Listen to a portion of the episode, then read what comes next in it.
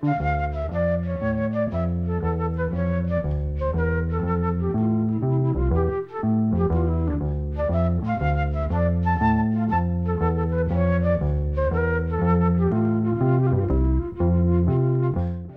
sæl. Bandarísku tónlistamennir Jim Seals og Das Crofts voru í hópi fjölmarkra sem fluttu svo kallað folkrock eða mjúkrock tónlist, softrock líka kallað. En þessi bylgi hófst í Suðu Kaliforníu og Breitlandi um miðjan sjönda áratugin. Þessi stefna byggir á því að lögin eru frekar lagræn og grípandi, hljóðfarleikurinn kliðmjúkur, söngurinn er fáaður og rödduð viðlög og heilta hljómurinn frekar mildur. Tónlistin líður eiginlega áfram eins og tær fjallalækur á fallegum sumartegi. Soft rock er reyn anstaða við þungarokk sem festi sér í sessi um líktleiti. Tónlist Seals og Crofts fjall ágætlega að þessari skilgreiningu og þeir náðu talsverðum vinsaldum um tíma. Plöturnar Summer Breeze og Diamond Girl áttu sinn þátt í því að þeir komu hverju vinsaldalæginu af öðru inn á lista á árunum 1972 og 73. Þegar þeir gerðu fymtu breyðskjöfu sína sem fekk nafnið Unborn Child munaði minnstu að þeir fjallu að stalli sína. Þessi plata ofinbera afstöðu þeirra til fóstureyðinga af trúalegum ástæðum. Lægi var samið í kjölfar hins fræga dóms sem nefndu var Róg gegn veit. Tveir ungi löffræðingar hafðu mál í nafni hinnar 21 á skömmlu normu McCorvey sem þá bar sitt þriðja barn undir belti og málið var höfðað gegn Henry Wade, sagsóknari í Texas, þetta var árið 1973. Norma var nefnd ró í öllum málskjölum til að venda hana gegn áriði fjölmiðla og annara. Máli fór á þann veg að hæstiréttu bandarækina dæmdi henni vil og heimilega þar með þungunarof í bandarækjunum fyrstu þrjá mánuði meðgöngu með alríkis lögum. Eins og kunnugt er Þá var þessi niðurstaða fælt og gildi árið 2022. Sils og Crofts voru í hópi þeirra sem töldu að líf hæfist við getnað og lístu þeirri skoðun sinni í textum Plötunar, Unborn Child en nokkrum árið setna viðkendi Jim Seals að þeir hefðu verið fyrir barnalegir og kannski átt að endur skoða hvernig þeir settu þetta fram.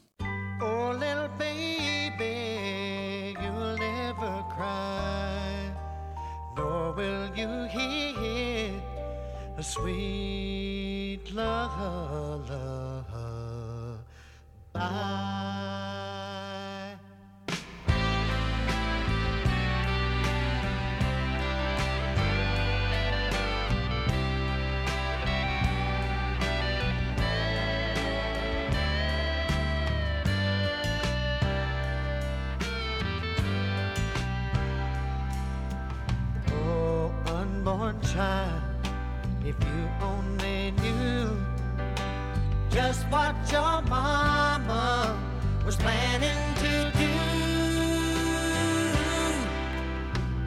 You're still a clinging to the trail life, but soon you'll be cut off before you get by.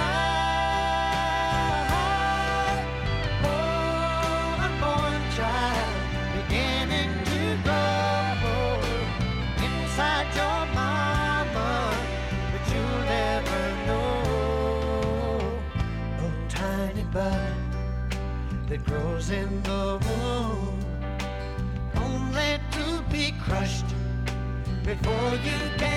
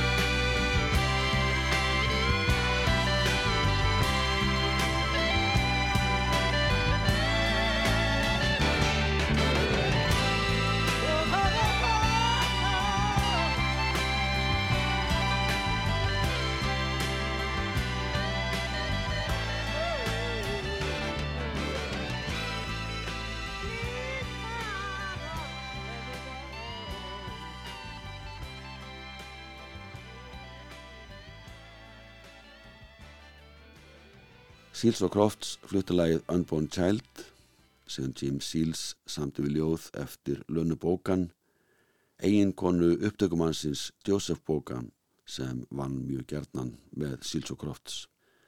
Lana Bókan mun hafa samið þennan texta þegar hún sá heimildamyndum fóstireyðingar. Ráðamenn Warner Brothers lögðu til að Seals og Crofts sleftu því að gefa plötuna út þar sem hún ætti eftir að hafa mikil áhrif á feril þeirra en þeir voru staðrónir í að halda sínu striki. Þeir sem fjöllu ofinbjölaðum plötuna Unbound Child í tónlistatímaritum og víðar annar staðar sögða þarna hefðu Seals og Crofts stíið yfir þá fínu línu sem skilur að tónlist og trúaskoðanir. Margar útastöða neytu að spila lægið Unbound Child og líka önnulegu plötunar. Á meðan aðrar útastöðar sem aldrei höfðu spila lög Seals og Crofts tók upp á því að spila lög þeirra. Það voru mjög skipta skoðanir á því hvort þeir hefðu tekið rétta eða ranga ákvörðun með útgáfa lagsins og þessara plötu í heilsinni. Og umræðan sem skapaðist í kjölfarið hafði þó nokkur áhrif.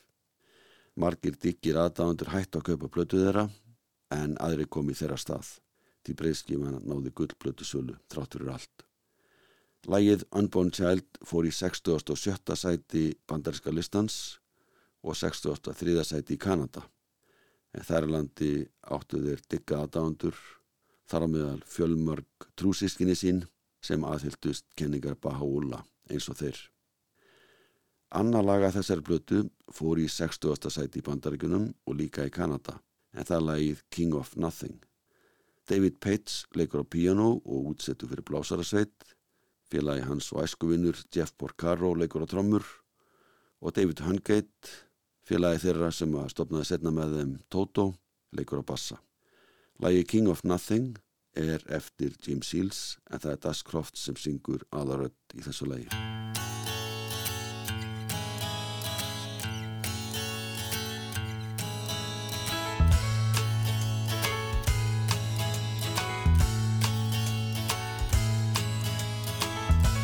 When I was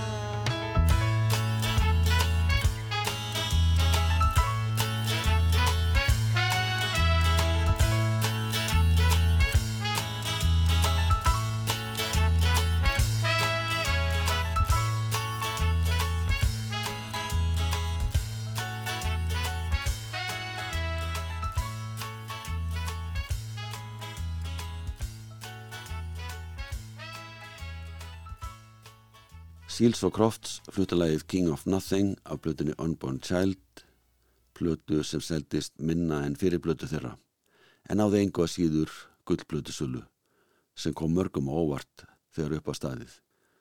Þráttir þessa sölu þá voru forráðamenn vonubröðis á því að rétt vera að leggja áherslu á þá tónlist sem þeir hafði samið og gefið út áðurinn platan Sömmu Brís koma markað. Vonubröðis keftu útgáðuréttin af fyrstu tveimu blötunum sem Síls og Krafts gerðu en þær komu á markað áður en að þeir gerðu samling við vonubröðis. Þessa blötu voru gefnar út saman í einu umslægi á verði einnar blötu og seldist alveg þokkalega en ekki mikið meira en það. Þetta var sem sagt ekki neinn meðsala en það hafði áhugið margra á tónlist Síls og Krofts fjarað út að hluta til.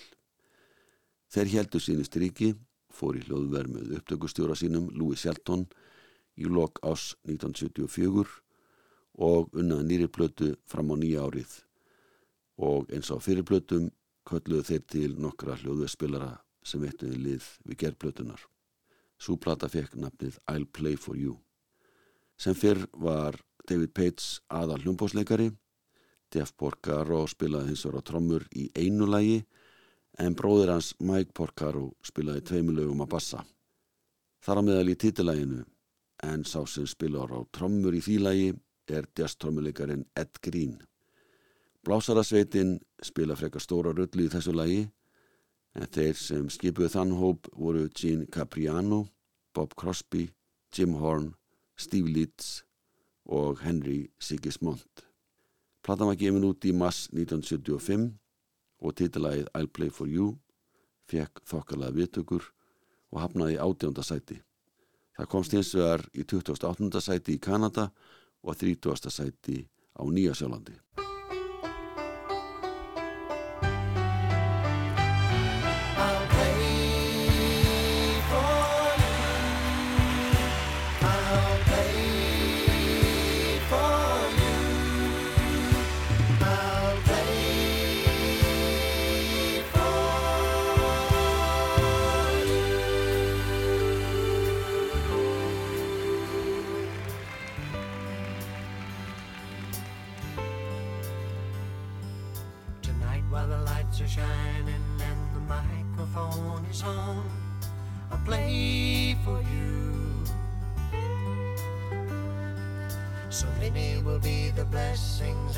short will be the time I'll stay with you.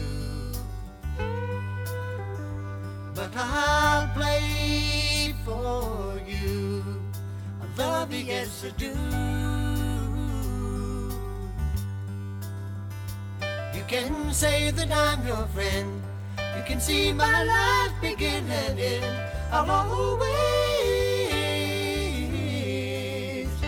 play for you.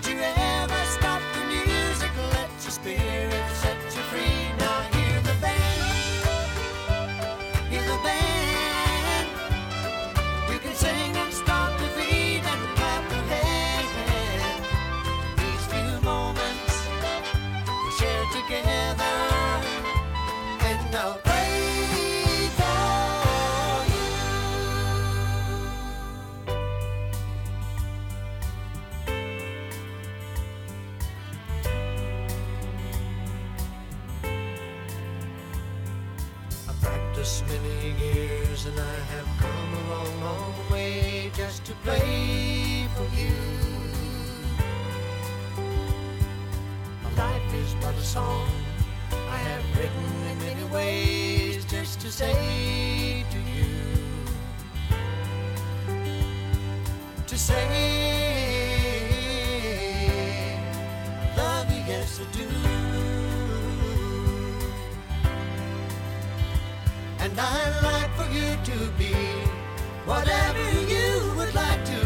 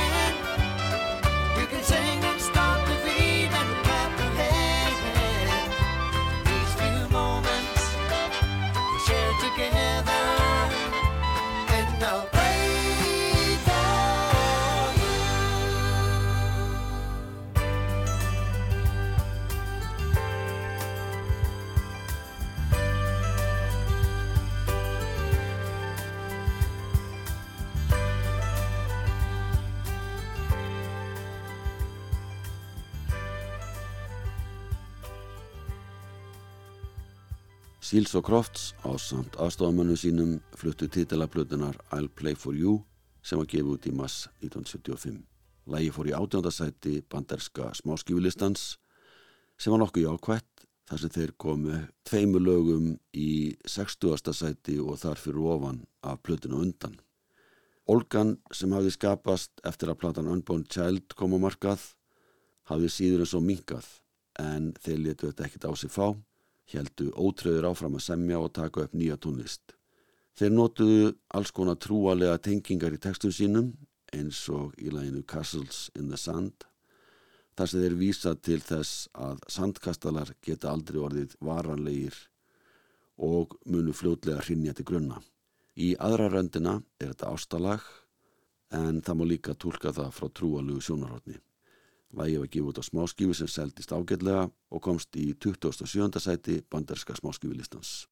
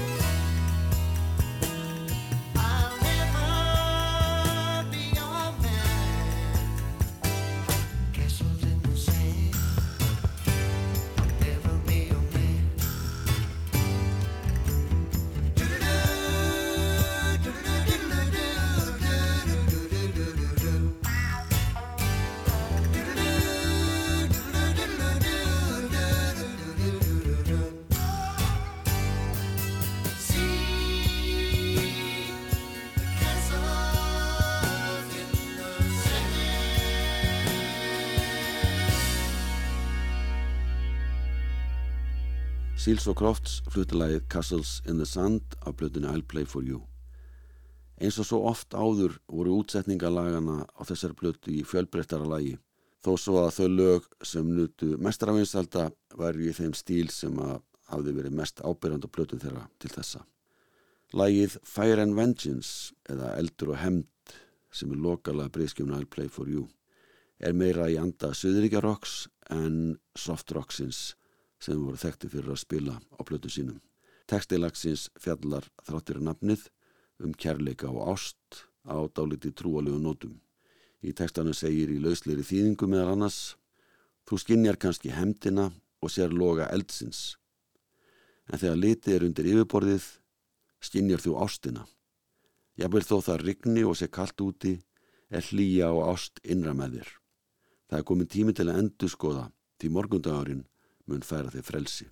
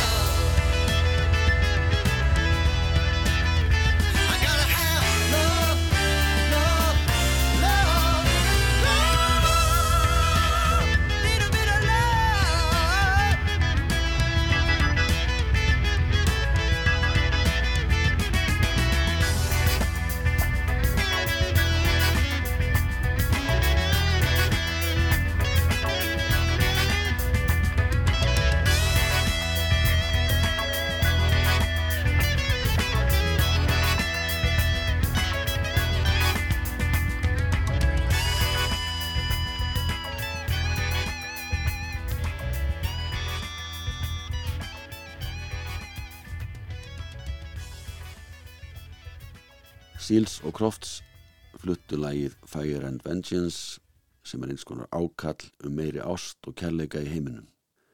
Spilamennskan myndi dáliti á Suðuríkjarokkið, sérstaklega tónlist Alman Brothers, þar sem þeir ramaskítarleikar að spilast á og skapa eins konar gítarflettu. Það voru gítarleikarnir Louis Shelton og Ovis Stevens sem sáum um að skapa þessa syngjandi gítarslöfur. Annað sem engendi þetta lag var hvernig útsett var fyrir blósturslöfari og hljómborð. En það var David Pitts sem sáum að útsetta fyrir blósararsveitina. Annar maður sem var með stórt hlutverki þessu lagi var kanadíski lagasmiðn og hljómbósleikarin Jack Lenz. Hann leka á ARP hlutgerfil í þessu lagi en hann hefur sami talsvert af tónlist fyrir Bahá'í samfélagið en er kannski þekktastur fyrir tónlistina sem að samti fyrir kvikmyndina The Passion of the Christ sem Mel Gibson gerði árið 2004. Jack Lance var lengi fastu meðlumur í hljómsveit Seals og Crofts.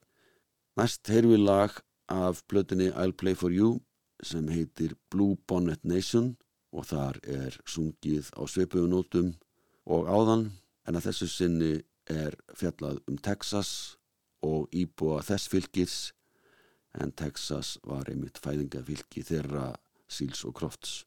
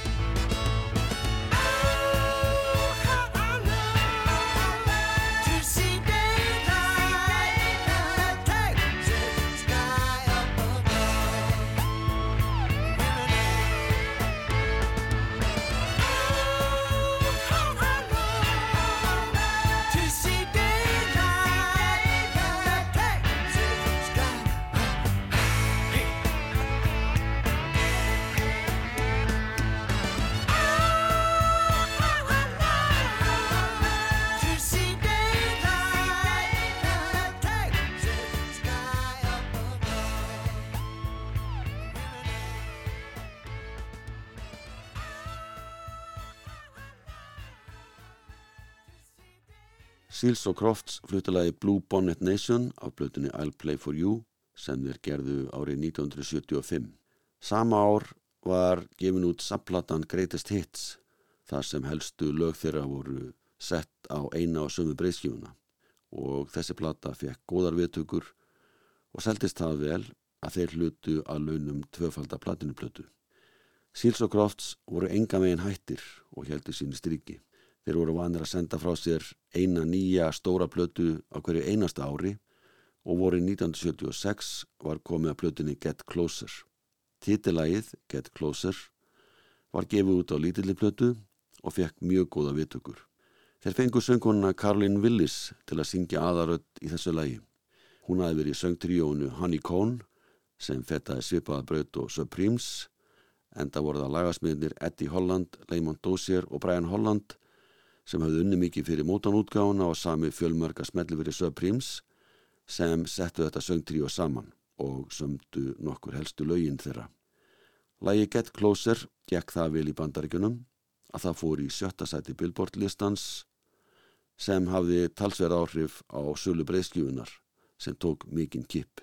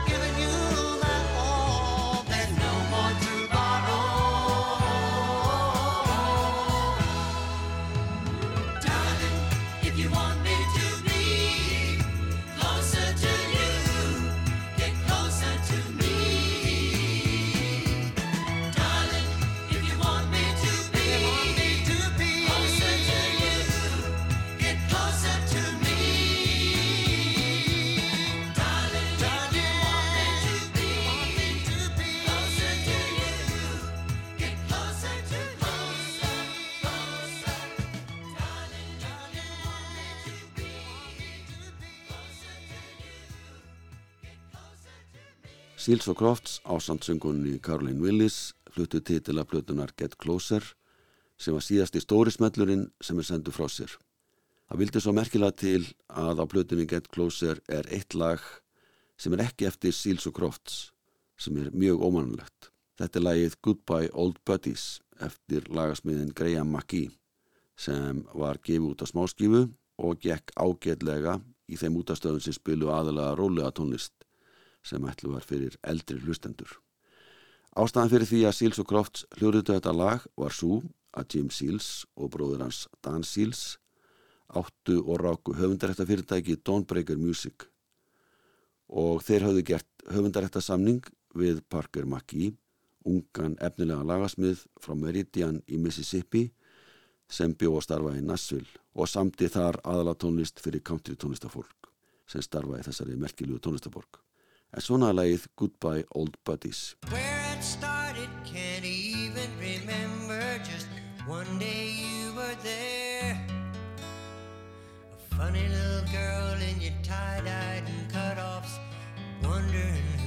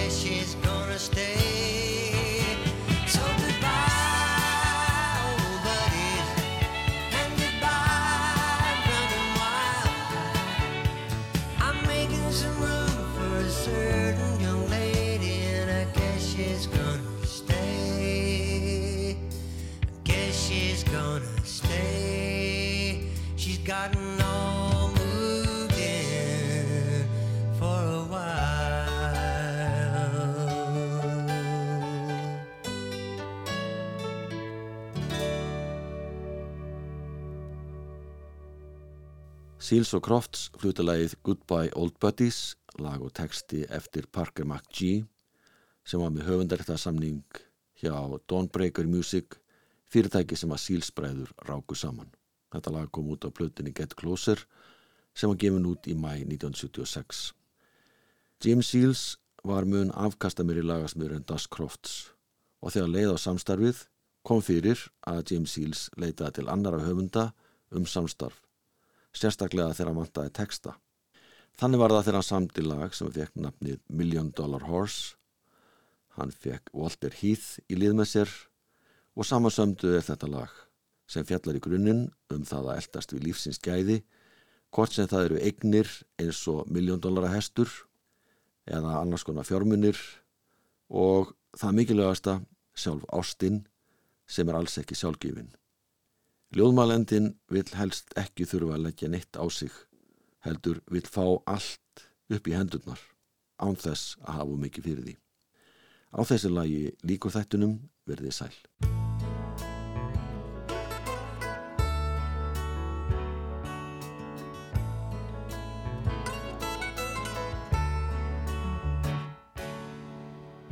Spend my day just running for some solid ground. Too many people.